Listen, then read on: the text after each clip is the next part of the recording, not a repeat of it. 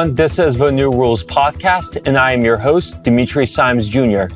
Today, we're looking beyond the battlefield to look at the political implications of Ukraine's faltering counteroffensive. What's next for Zelensky? Can he turn things around? And if he can't, what are the political costs of failure? We're also going to look at potential actions from the part of NATO. Will they double down or will they seek a way out of this debacle? To discuss all of these questions, we're happy to welcome Alexander Mercouris, international lawyer, political analyst, and host of the highly popular The Duran. Alexander, it's so great to have you on. And a very great pleasure to be on this program. And thank you for inviting me. So, we are now in the third month of Ukraine's big counteroffensive. And as of the recording of this podcast, Ukrainian forces are still struggling to get across Russian minefields and reach the first uh, line of defense. I, this, all of this begs the question, how much time does Ukraine have left to turn this whole thing around? Well, that is an excellent question. And of course, bear in mind that there are military factors about which I'm not a specialist. But if one is looking at the political clock, the political clock is running down. We have elections coming in the United States. From the autumn, that will become the major priority. We have elections coming in Britain.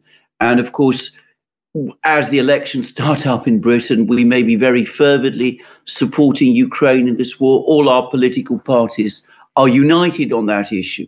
But nonetheless, domestic issues will begin to become more important. And elections, anyway, can throw up all kinds of unpredictable elements, particularly in Britain at the moment, which are difficult to foresee. There's also what is starting to look like a crumbling of the political consensus in Germany. And of course, Germany is crucial. So there are these political factors that are also, that are playing in. There is also, it must be said, within Ukraine itself, I suspect, growing weariness about the war, a sense that the war isn't working well. Ukraine has apparently suffered very heavy losses, and one wonders whether enthusiasm to sustain the war is going to continue there either. And lastly, and perhaps most important of all, within the United States, there are cracks in the consensus. We have the Republican, some Republicans who are now becoming openly critical of the war. Support for the war amongst the general public in the United States appears to be declining. But more importantly, one senses that within the American political, military, diplomatic establishment, there are growing doubts. they do not want to see another defeat for the United States, especially not in Ukraine, especially in a region which is part of Europe. They're starting to worry that the war is not going well and might end unpredictably and badly for the United States. We've seen these people who are, it seems, centered on the council in the Council of, for Foreign Relations, that they've been increasingly concerned. They've been publishing articles in heavyweight journals like Foreign Affairs and Foreign Policy and the National Interest. They've been commissioning reports by the RAND Corporation they seem to have some support within the Joint Chiefs of Staff and the, the uniformed military in the United States. And there are rumors, and they are only rumors, that they are trying, in some ways, this group are trying to look for some kind of diplomat, diplomatic way out, and that they're putting pressure within the government, where, of course, they have great influence, for some kind of diplomatic outreach, a serious diplomatic process to begin. So the failure of the offensive is, in a sense, the failure of Ukraine's last big opportunity to achieve a major breakthrough and to win the war on its own terms. The fact that it's failing is going to make it more difficult in every respect to sustain the war and President Zelensky himself is apparently warning diplomats and foreign affairs people within the Ukrainian foreign ministry that from this point onwards, Ukraine is going to come under increasing pressure to seek a compromise.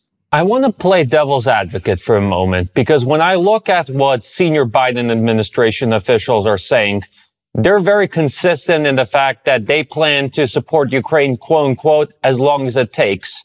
And when we look at the sentiment in Congress, one thing that stands out is that Biden is criticized for his Ukraine policy, but he's oftentimes criticized by senior Republicans for not doing enough, for not sending enough weapons, for not do- sending enough money to Zelensky. And even when we look at public polling, it's true that there is a rise in opposition to the Ukraine policy, but there is, does seem to be a pretty large amount of Americans that still do support the proxy war policy in Ukraine. So how can we be so sure that Zelensky doesn't still have a lot of political capital that he can play with? Well, the first thing to say is I don't think you're being devil's advocate. I think you're pointing to facts. I, I said that the dial the political dial is shifting towards more towards negotiations. But it's important to understand that in the United States, there are very powerful countervailing forces which do not want to see a negotiating process take place now when Ukraine is going to negotiate from a weaker position. In fact, the Wall Street Journal has actually said as much. It says that there are people within the government, the US government, the, Wall, the administration, who view this counteroffensive, the failure of this counteroffensive, as putting Ukraine in a weaker position, and therefore they think that the prospect for negotiations is actually receded. Now, from their point of view, they only want negotiations in which Ukraine and by extension the United States is negotiating from a position of strength and that's not the position that they are in at the moment. So they don't want to see negotiations. And these informal contacts that I've been taking, talking about by the people from the Council for Foreign Relations, these comments of criticism that you see from the sort of established, you know, the more veteran part of the US diplomatic establishment, it doesn't mean that the administration is in agreement with those views most probably there are people in the administration who take an opposite line. But of course, the longer the war goes on, the more difficult it becomes to sustain the illusion of unity on the part of the entire political class. And the more doubts will grow, and the more people will start to express those doubts. Now, if you look back at the history of other American interventions. Vietnam is perhaps an extreme example, but it's true of others. The same pattern tends, tends to follow. Vehement support at the beginning, right across the political spectrum. Then doubts starting to emerge, expressed on the fringes, beginning to reach elements of the diplomatic and military establishment. They are more concerned about the overall global position of the United States. There's always a kind of popular opposition within the United States to the United States being involved in war. But it takes time for all this opposition to achieve critical mass. And we're not at that critical mass in this conflict now. But nonetheless, I think the dial is gradually moving that way. And with the failure of this offensive, that process, I suspect, is going to accelerate because the doubters now have arguments that they can deploy against those who continue to advocate the war. They say we're trapped in a war with no clear end it's an unwinnable war. There's already been an article in Foreign Policy that uses exactly that title. So we've got to try and find a way out. We're not at the point where people who talk like that are, are, are in the ascendant, but we're starting to see the trend take shape. And I think in Ukraine itself, they've noticed it. You mentioned that the dissenters are gaining momentum in the U.S. foreign policy establishment. Do you see any sort of clear breakdown of factions? Who is in favor of ramping up the proxy war policy and who is considering a change of strategy, an attempt at diplomacy? Are there any sort of clear affiliation, different interest groups lobbying for different policy? And if so, then who? Yes, well, I think one can see that. First of all, the State Department seems to be united in support of Ukraine and in support of the as long as it takes policy. I, I believe myself that the president shares that view. So that already tilts the balance, if you like, very much in favor of the hardliners. He, I think, also supports and as long as it takes policy. The people who are its critics, it seems to me, are more likely to be found within the Pentagon, where they have a global perspective of US policy. And they are starting to worry that Ukraine is becoming a drain on resources and is distorting US the, the global US position. And I think also certain foreign policy veterans who are still there, they're still influential, and they have support within parts of the military industrial establishment, which is also unhappy uh, at, at the way this is progressing.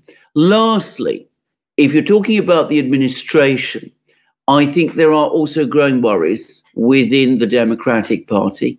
Um, again, not because people in the Democratic Party have necessarily, you know, want to see a rapprochement with Russia. I mean, they, they don't. That isn't what they're about at all.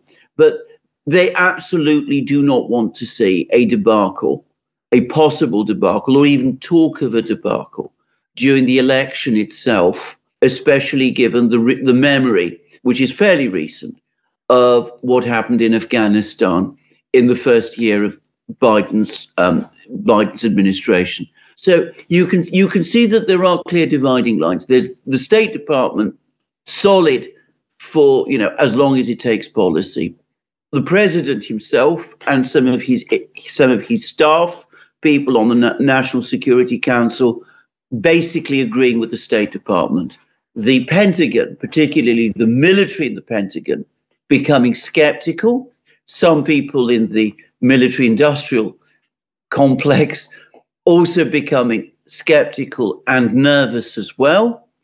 And also the sort of foreign policy veterans who continue to wield influence, and some people in the Democratic Party becoming increasingly concerned. You know, it's interesting that you point out that the Pentagon, in a sense, right now is the voice of reason in Washington. And I understand that for a lot of our audience members, this may be a counterintuitive idea, but it's worth noting that as early as last November, U.S. Uh, Chiefs of Staff Commander Mark Milley was pouring water on the prospect of a new major Ukrainian counteroffensive at a time when everyone in Washington thought that the Ukrainians were basically unstoppable.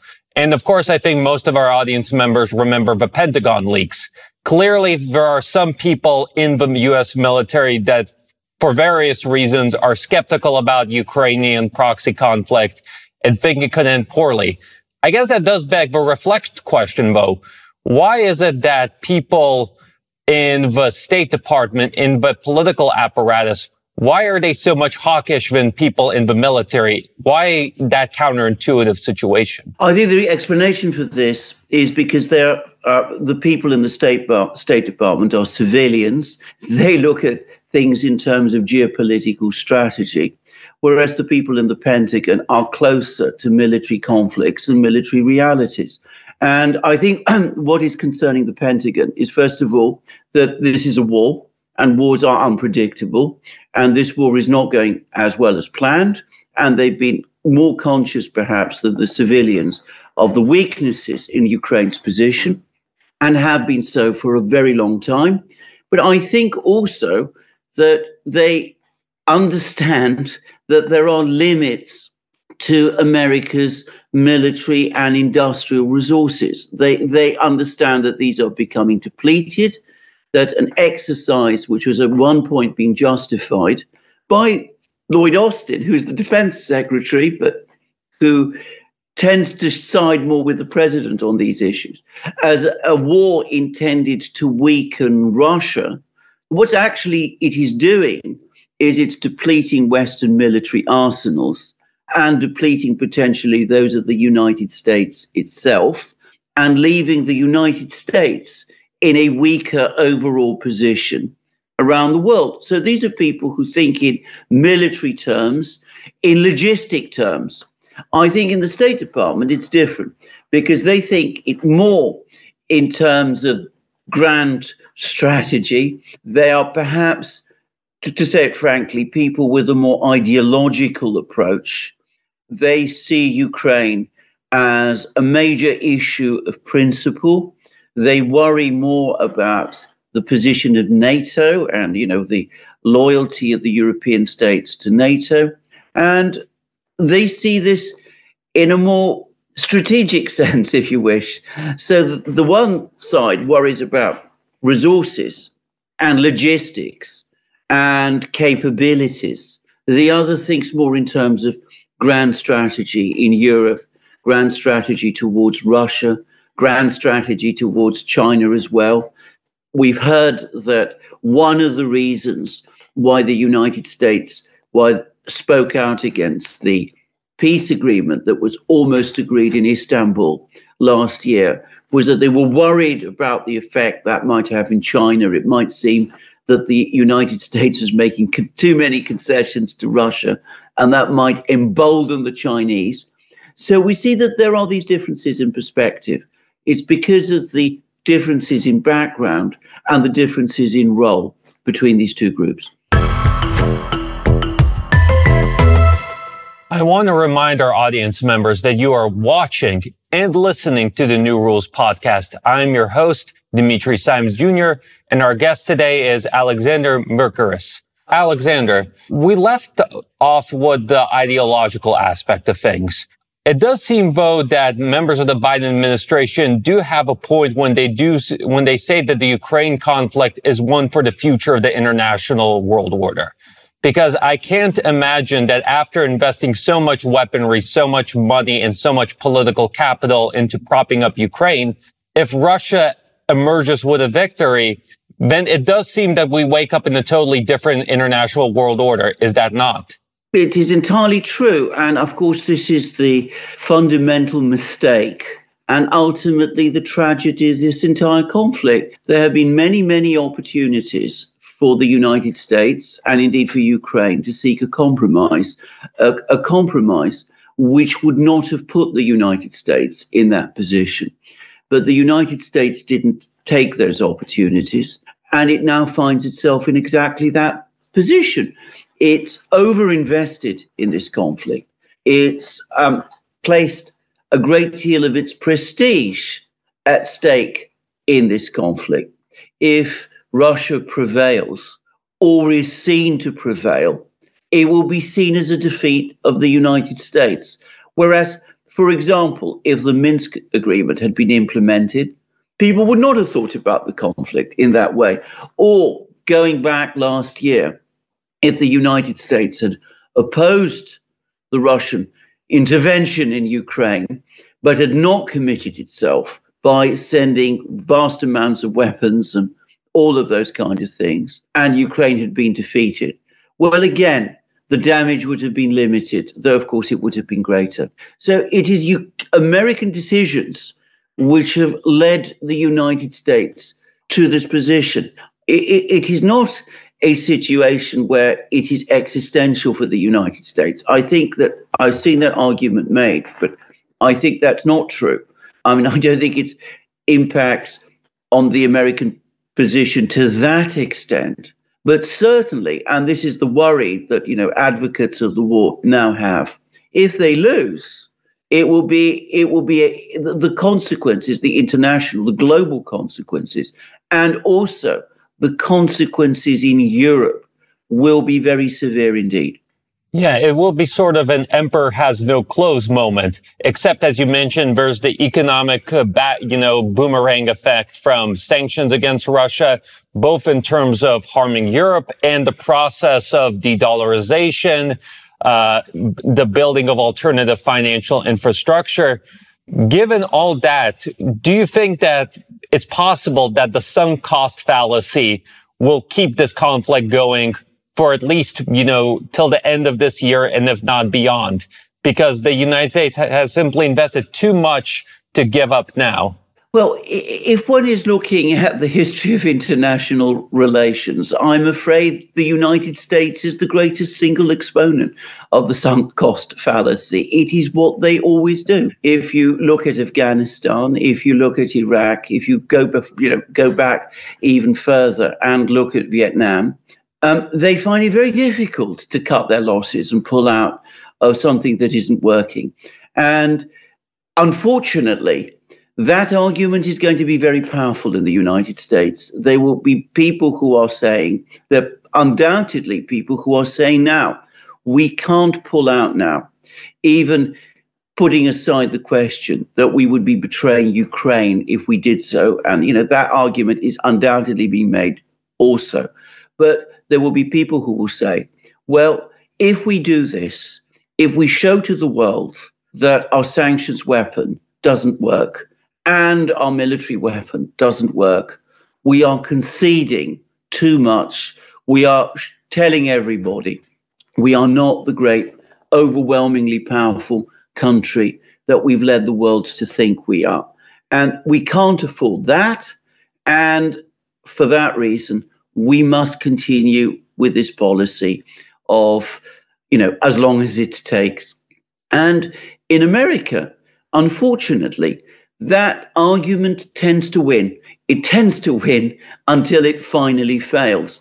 Now, the military people, the people from the Council for Foreign Relations, the various veterans that we've been talking about, they, of course, see things differently they say, well, look, we've invested very much. We can't go on doing that even further. If we do that, we are risking even more of our prestige and even more of our position. But that isn't the argument that tends to prevail in conflicts within the United States, or at least not immediately.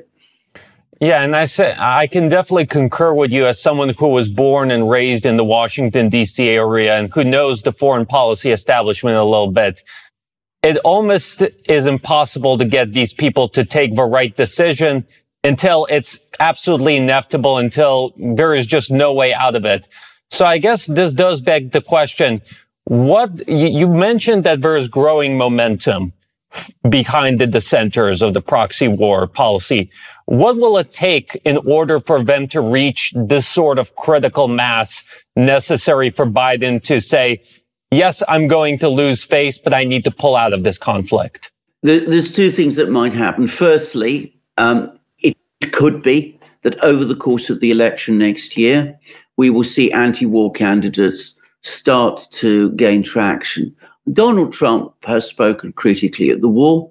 I'm not really sure what his ultimate policy is, but he's spoken critically about it.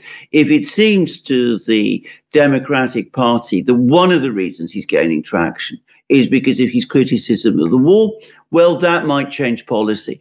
I have to say, that I don't get the sense that this war is as yet such a big issue in the United States that it is actually moving votes. I think that Trump might be conceivably ahead of Biden, but it's not because of Ukraine, it's because of domestic matters. But that may change, especially if the situation on the ground deteriorates. But the other thing that might make things change and, and might make things change radically is if there is a fundamental decision change in the situation on the ground.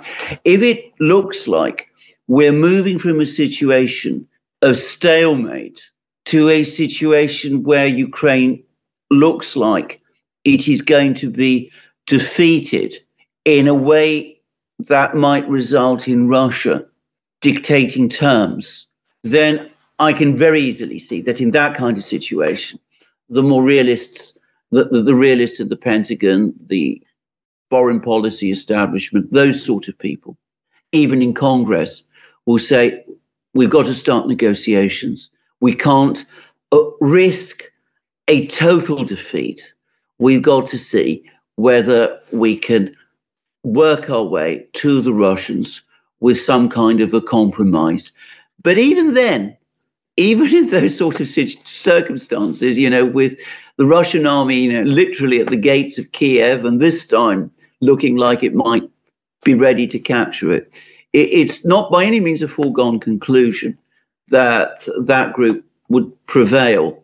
It, it, it depends very much not just on the balance of forces within the within Washington, but with the situation in the United States in general, across the entire country, and how this all pr- appears in Europe. But it also does raise the question, though, that if Russian forces are back at the gates of Kiev and they're able and willing to take the city and go as far as it takes, if things have gotten to that point, why would Russia sit down to the negotiating table? Wouldn't it be too late at that point to seek a peaceful resolution to the conflict? Well, that is exactly, I am sure, the point that people from the Council for Foreign Relations and the RAND Corporation are saying. They're saying that the window for negotiations may not be wide open. Um, we, we are not winning this war. At the moment, it looks like a stalemate, but it is an unstable stalemate. Ukraine is getting weaker. Our ability to keep it supplied with weapons is diminishing.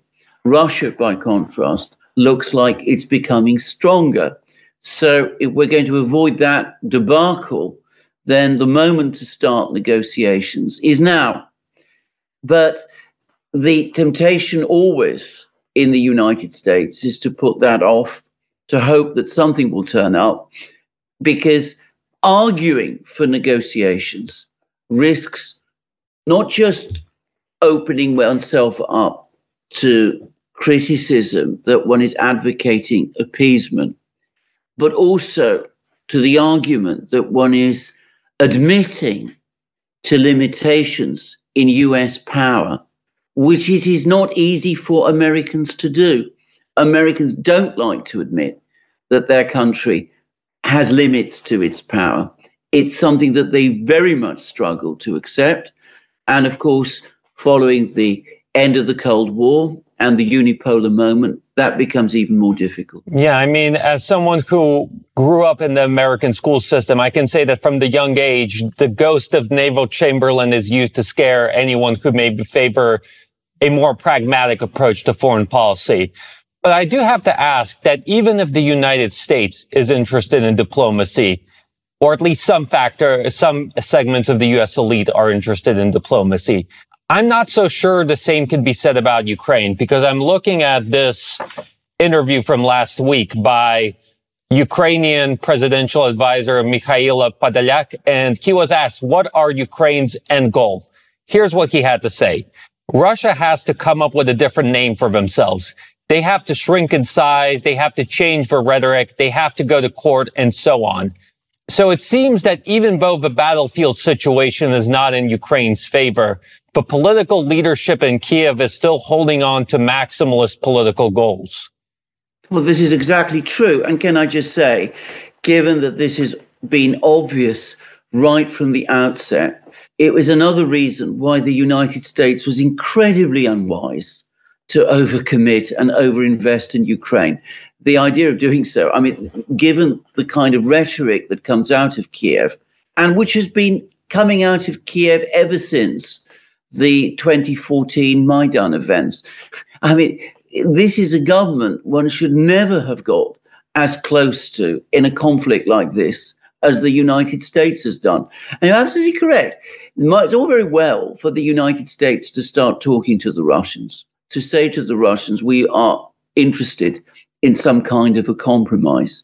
But getting the Ukrainians to come round is going to prove extremely difficult. And again, this is not anything new. If you're familiar with the history of Vietnam, you will know that the government of South Vietnam was strongly opposed to the whole negotiation process that the United States was ultimately forced to engage in with North Vietnam. They were very, very unhappy about it. And in fact, they opposed it and they went on opposing it right up to the moment when there was an agreement. And then beyond the agreement, they went on opposing it right up until the moment when South Vietnam collapsed. And of course, we saw the same pattern in Afghanistan. The Ghani government very, very unhappy about the talks that the United States was engaging in with the Taliban, and they made that their hostility and opposition very, very clear. And again, they always continue to refuse to talk with the Taliban until the moment finally came when the Taliban marched into Kabul. And it's that problem with Ukraine, given the mindset that exists in Ukraine, which does have support within Ukrainian society. It's not just Podolyak and people like him who are talking like that. There are other people in Ukraine who very much take those views. It's going to be very, very difficult to find any kind of way to get Ukraine to change to change its stance. The one thing I would say is this: if you're going to seek a diplomatic outcome to this war, it's hopeless to think that you can do it by getting Russia and Ukraine to sit down and talk with each other. It, we came to a point last year when it seemed like that was going to happen, but it's not going to happen from this point onwards. I mean, Ukraine has said too much. Its rhetorical stance has hardened beyond the point where negotiations are really practical. The only way it seems to me that any kind of negotiation strategy can take place, any kind of diplomatic strategy can take place, is if those talks happen between the Americans and the Russians. And then the hope has to be that given Ukraine's extreme dependence now on the United States and on the Western powers, once some kind of framework is agreed between the Americans and the Russians, the Ukrainians can be basically forced because that's what it would require forced to accept it. And that's going to be very difficult as well. And there'll be cries of betrayal. And some of those cries of betrayal will gain traction in the United States itself. But there we are. That's unfortunately the mess that the United States has walked into. How would you rate the risk that the Ukrainians could try and disrupt these potential negotiations between Russia and the West? Because as you know, we've discussed the Ukrainian leadership has no intention of seeking a peaceful compromise. And they do have a track record of behaving like loose cannons. And we can see that Crimea Bridge, the assassination of journalists, the attack on civilian settlements that these people are prepared to do anything it takes in their view? I wouldn't assess it as a high risk. I would assess it as a certainty. They will do everything they can to disrupt negotiations. They will take steps of that nature. They will try to go the Russians, as they've always been trying to go the Russians, into extreme reactions, which they can then capitalize on to sort of build up opposition to Russia in the West. So they will definitely be trying to do things like that. And of course, they will pull every lever that they can in the United States and Europe with people who are sympathetic to themselves to disrupt and interfere with the negotiations. They will speak to the Green Party in Germany, they will speak to the political leaders in Britain, they will contact the authorities in Brussels, they will speak to their friends in Congress, they will do everything that they can to disrupt the process. Now, Having said that, we have been in this situation before, and to some extent, the South Vietnamese, the Afghans, they did the same thing. In the end, once the decision was made in the United States that the United States had nowhere else to go but to negotiate, that wasn't, you know, all these disruption tactics weren't enough to throw the United States off course, but the stakes in this conflict are much higher. The emotions, arguably, are also. And of course, one can't predict the outcome with any enormous confidence. I want to remind our audience members that you are watching and listening to the New Rules podcast. I am your host, Dimitri Simes Jr., and our guest today is Alexander Mercouris. Alexander, I'm sure that a lot of our viewers watching this are coming up with a very reasonable question. They're going to say that, look, the Ukrainian government is almost completely dependent on the United States. How is it possible that Zelensky could potentially have so much sway that he could dictate terms to the United States, prevent the United States from seeking a diplomatic solution. How did we get to the point where the Ukrainian government is effectively able to blackmail the United States? But this is exactly, this is a very interesting point. But again, history to some extent provides the explanation because dependency actually can increase the leverage of the party that is apparently in that position of dependency. Because what happens, what can happen in that situation is that, of course, if the United States starts to apply pressure, if it dials back economic and military aid, then what it risks in Ukraine is an uncontrolled collapse. It's only US military and economic aid that is keeping this thing afloat at all.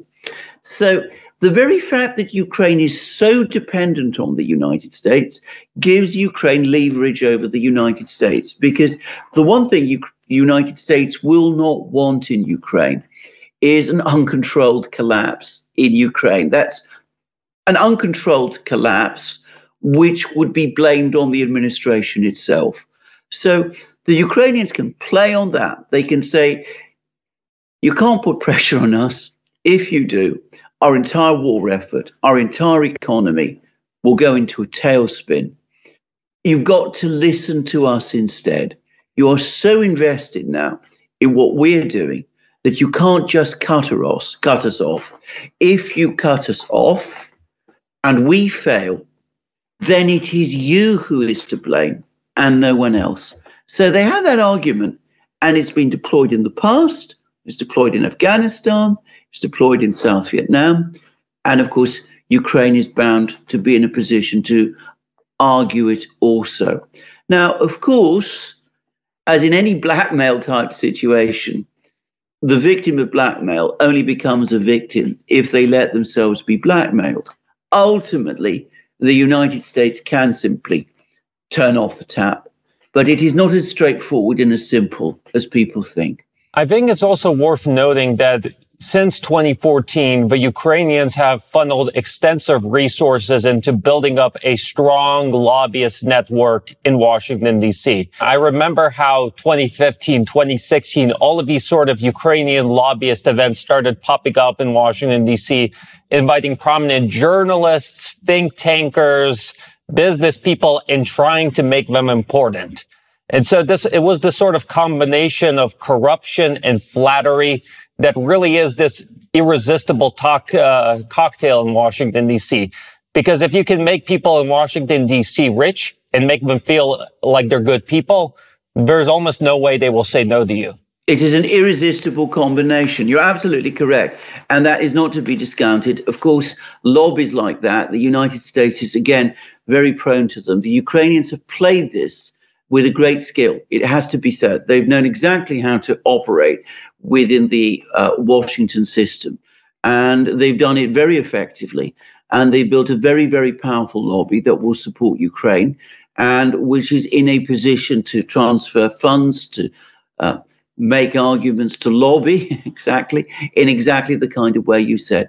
Again, if we come back to previous history, South Vietnam had its lobby in the United States. Before then, so did communi- uh, pre-communist China, Guam, the Kuomintang movement in China. And in the 1960s, they were able to argue passionately against any movement by the United States to establish diplomatic relations with communist China. In the end, those lobbies weren't strong enough to prevail against forces, you know, in the Pentagon, and wherever that understood that the United States had no option but to seek compromise. The question is again, how much stronger is this particular lobby? Is it in a position to succeed where the previous lobbies failed, or is it as likely to be pushed aside as happened in the case of those earlier lobbies? But any president, any administration that decides to seek a negotiated solution to the Ukraine conflict is going to know that every day there will be people appearing in the media, on the talk shows, broadcasting to the American people, talking about how Ukraine is being betrayed and how the United States, how the president of the United States and his administration is engaging in appeasement and is letting Ukraine, a key ally of the United States, a heroic ally of the United States, fighting against the Russian colossus, how they're betraying it and letting it down. And that is a potent message, and one which, again, it will only take very compelling set of circumstances um, for an administration intent on negotiations to prevail against or even to want to take on at all. The other country that can serve as a loose cannon in disrupting negotiations, I think, is Poland. Because Poland has a clear vested interest in the Ukraine that is hostile to Russia, that can be used to contain Russia. The Baltic states have the same interest, and they've been, ever since joining NATO, the consistent, strong anti-Russia lobbying alliance. So in addition to Ukraine, what role do you think these countries can play in disrupting and fighting against negotiations? Do they have the potential to be another upset factor? Yes, they do. But I think one mustn't lump them all together. I think Poland is actually rather different from the Baltic states. I think the Baltic states will take exactly the line that you said. I think on this issue of the conflict in Ukraine, they are monolithic. They support Ukraine. They do not want to see any compromise at all and there are no real counter uh, counter arguments being made in the Baltic states that are pushing in the other direction. I think in Poland, which is a country that I know reasonably well, at least I know people from Poland, and I have a fairly clear idea, you know, there's all cross currents there.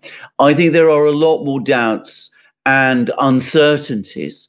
And I think that there are people in Poland who are less sure about the stance that the present Polish government is taking, and are also worried that Poland is being pulled along into a conflict in Ukraine, which it would be in its interests instead to try to keep clear of. So I don't think Poland is a monolith. And my sense is that given the very close relationship between Poland and the United States.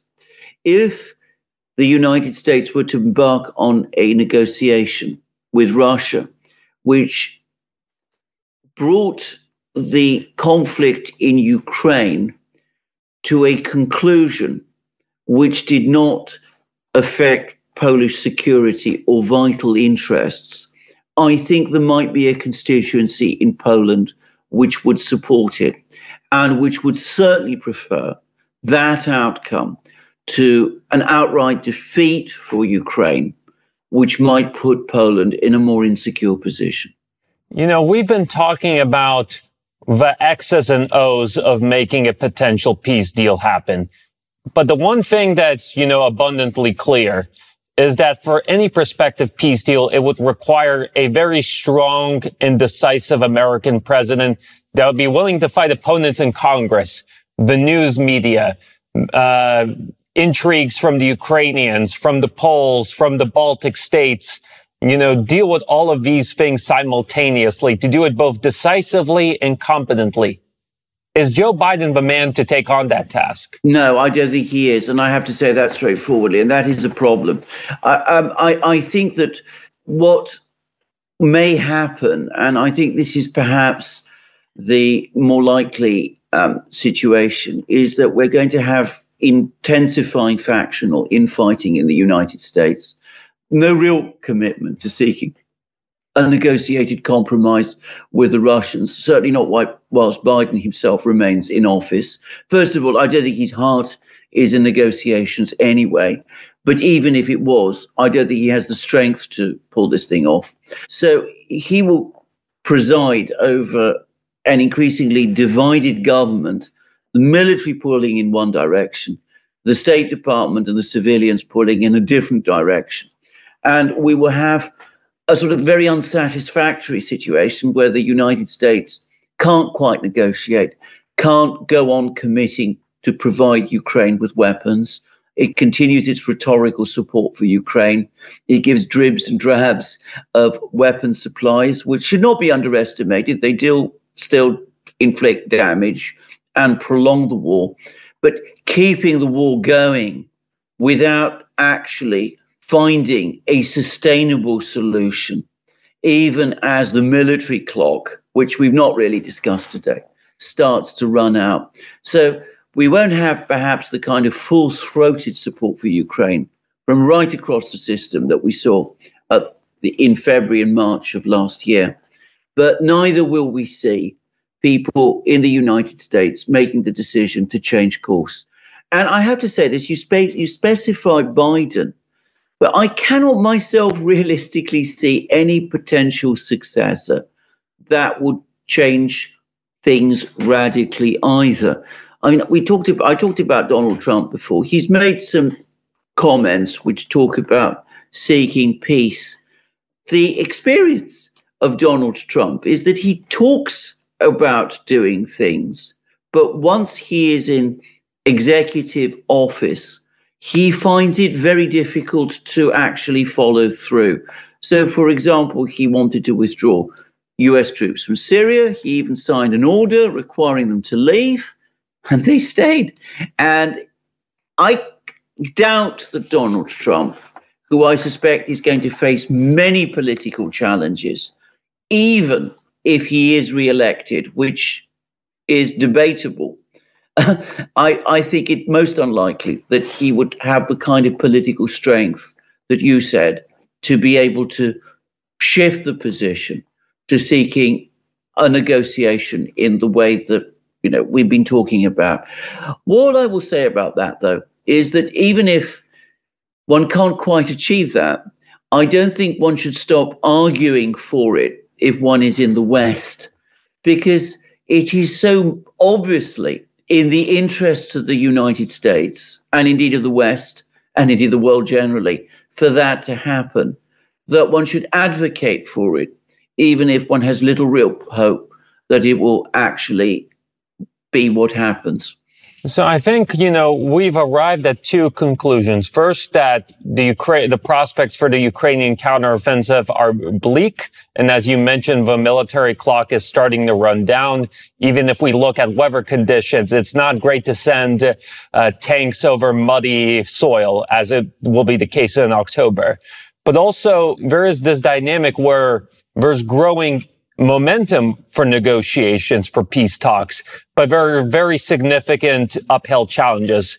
And I know predictions are a thankless business, but I think our audience members would all be interested in knowing where do you see things going from here? What's going to happen once the Ukrainian counteroffensive sputters out? You know, what is the near term prospect? Yes, my, my own guess is that the Ukrainian offensive is going to sputter out fairly soon, sometime over the next couple of weeks, in August or September, before the autumn rains come. And then we're going to have a pause. I think that there will not be much more military activity for a while. That will perhaps open some space for negotiations. I don't think it will be seized. And then at the start of 2024, with the very extensive, the very big Russian buildup taking place, we will start to see uh, things begin to move in a completely different direction. And it will be clear that Ukraine has run out of military time and that the Russian forces are starting to prevail on the battlefield. And then what will happen is that we will move from this very unsatisfactory situation which we have today to one of crisis in the winter, crisis in the West, lots of talk about what to do, discussions about whether to begin negotiations, but a situation where the United States would be negotiating from a position of great weakness, or instead to escalate even further, though difficult to see how the United States escalates without putting itself at even greater risk and potentially very, very much greater risk. And at that point, all of this will snowball during the election period with outcomes becoming increasingly unpredictable. But I think that's the most likely sort of short term uh, course. Now, if I'm going to guess, I think that the United States will not escalate beyond a certain point. I think that they will not want to become directly involved. I think that in the end, countries like Poland will decide that they don't want to become directly involved either, particularly if it is clear that the Russians are indeed closing in. And then at some point, the issue will be trying to keep the war going until after the election is over, or alternatively, trying to manage the political damage if it ends in a military debacle. And when I talk about the political damage, I mean the political damage in the United States itself. The international position will have been damaged beyond repair. I want to remind our audience members that this is the New Rules podcast. I'm your host, Dimitri Simes Jr., and our guest today was Alexander Mercouris. Alexander, where can our audience members keep up with your work? Well, we are on uh, various YouTube uh, channels. There's the Duran, which is our main uh, channel. You can just dial the Duran on YouTube, and that will take you straight to our programs. Those are programs that I do with my colleague Alex Christoforou. And then I have my own channel, which is Alexander Mercouris. Uh, just my name. You type you type it in. That will take you directly to my channel where I try. I don't always succeed, but I try to put a new program up every day. And if you want to keep up with our work, first thing you should do is like and subscribe the video below. Additionally, you should check out the links to our two Telegram channels, our Twitter account, and much, much more in the description below. Thank you all for tuning in. Till next time.